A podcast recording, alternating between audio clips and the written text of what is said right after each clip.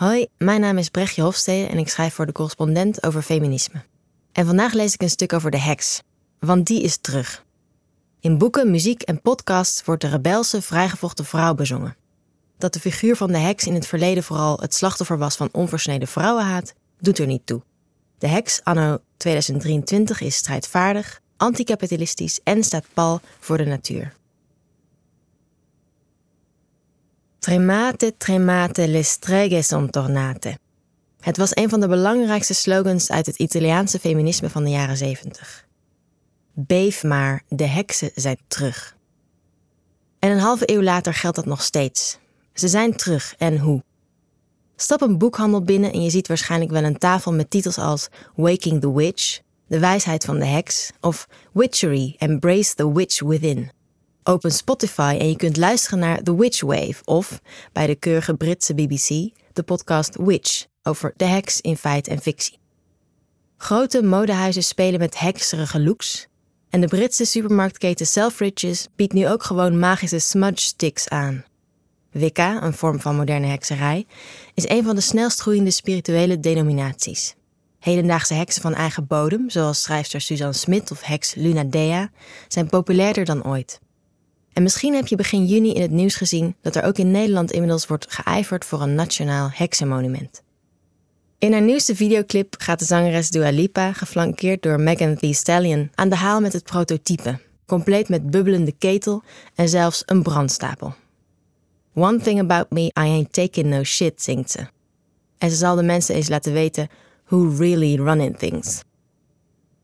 Die sfeer, nu zijn wij aan zet, wij heksen, zit er goed in, zoals ook blijkt uit de veelgebruikte slogan We are the granddaughters of the witches you didn't burn. Je kunt hoodies, kaarsen, posters en andere snuisterijen met die opdruk in veelvoud op Etsy vinden, als deel van de berg merchandise die de afgelopen jaren rond de figuur van de heks is ontstaan. De wortel van de huidige populariteit van de heks is het idee dat heksen vrije vrouwen waren. Rebellen die uit de pas liepen met de sociale en religieuze normen van hun tijd wilde types aan de rand van de gemeenschap die hun wijsheid putten uit voorouderlijke tradities met wortels in matriarchale godinnenvererende prehistorische samenlevingen waarvan het bestaan nooit onomstotelijk kon worden vastgesteld. De heks die nu het podium pakt in de populaire cultuur is risqué en rebels. Maar is het idee van de heks als rebel wel historisch correct? Criticasters mopperen van niet. Activisten dwepen met mythes die allang door historici zijn ontkracht, meende een historicus onlangs. Waarbij ik zelf als een van die dwepende activisten werd aangemerkt, wegens een eerder essay. Allemaal leuk en wel, die rebelse praatjes, maar waren heksen eigenlijk vrijgevochten vrouwen? Het antwoord op die vraag hangt er vanaf of je het hebt over de heks, die door onze collectieve verbeelding spookt, of over individuele mensen die nu of in vroeger eeuwen tegen hun wil door hun omgeving als heks zijn aangemerkt. De heks is wel degelijk een sterke vrouw. Ze werd in de Renaissance al geassocieerd met de wijze vrouw of heler, zodat de Britse parlementariër Reginald Scott in 1584 in zijn Discovery of Witchcraft kon schrijven. Vandaag de dag is het om het even of je in het Engels zegt: zij is een heks of zij is een wijze vrouw. In Engelse heksenprocessen vind je bovendien voortdurend het woord strong naast de beschuldiging witch, alsof het de kracht was die gevreesd werd en bestraft moest worden. Diegenen die als heks werden vermoord hadden kennelijk genoeg macht, tenminste in de opvatting van hun vervolgers, om paniek te ontketenen. Wij heksen hebben een gezegde, schrijft de moderne Amerikaanse heks Starhawk. Daar waar angst is, is macht.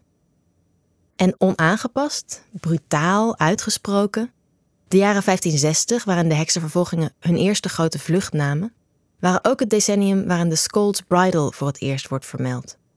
Dat was een metalen kooi die als straf om het hoofd van vooral vrouwen werd geplaatst, met een bit in de mond waaraan meestal een scherpe pin was bevestigd die spreken onmogelijk maakte. Een scold was een luide, onaangepaste vrouw. De Scold's Bridle werd ook wel Witch's Bridle genoemd. Kennelijk lagen die twee semantisch dicht bij elkaar. Maar individuele als heks veroordeelde mensen zullen in veel gevallen redelijk willekeurige slachtoffers zijn geweest van massahysterie, misogynie en de zucht naar een zondebok in economisch zware tijden. Ze zagen zichzelf ongetwijfeld niet als heks, kwamen dikwijls uit lagere klassen en waren niet per se krachtig, laat staan openlijk rebels. Een interessantere vraag vind ik: maakt het eigenlijk uit? Wellicht zegt het idee van de heks als een rebel meer over de heks van nu dan die van toen. En er is wel degelijk iets heel rebels aan de heks, MVX, zoals ze nu wordt vormgegeven. De slachtoffers van de heksenjachten uit de Renaissance, wie ze ook waren, zijn door hun gruwelijke einde een krachtig symbool geworden voor verzet tegen de samenleving die hun dood veroorzaakte. Een symbool tegen mannelijk geweld en, aangezien zo'n overgroot deel van de slachtoffers vrouw was, met name van vrouwenonderdrukking. En dat symbool vormt de heksen van nu. Zo beschrijft moderne Amerikaanse heks Amanda Yates Garcia hoe hekserij haar heeft geholpen zich aan een jeugd te ontworstelen waarin de hele waaier aan machteloosheid present was. Seksueel misbruik, armoede, verslaving en noodgedwongen sekswerk. Grip op haar eigen leven kreeg ze pas door zichzelf als heks te zien.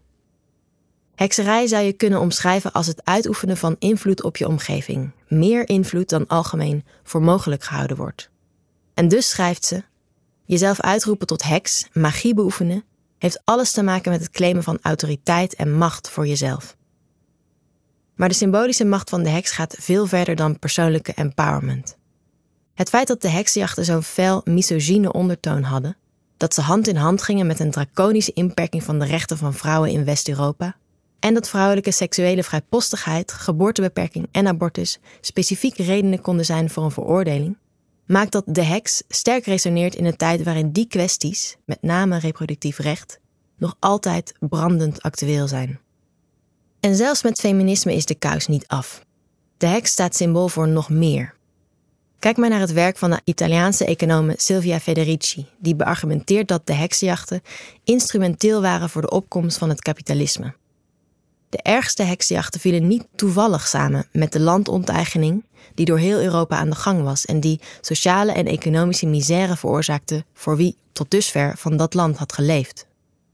Misère waarvoor een zondebok werd gezocht en gevonden in een toch al onderdrukte groep, de vrouwen.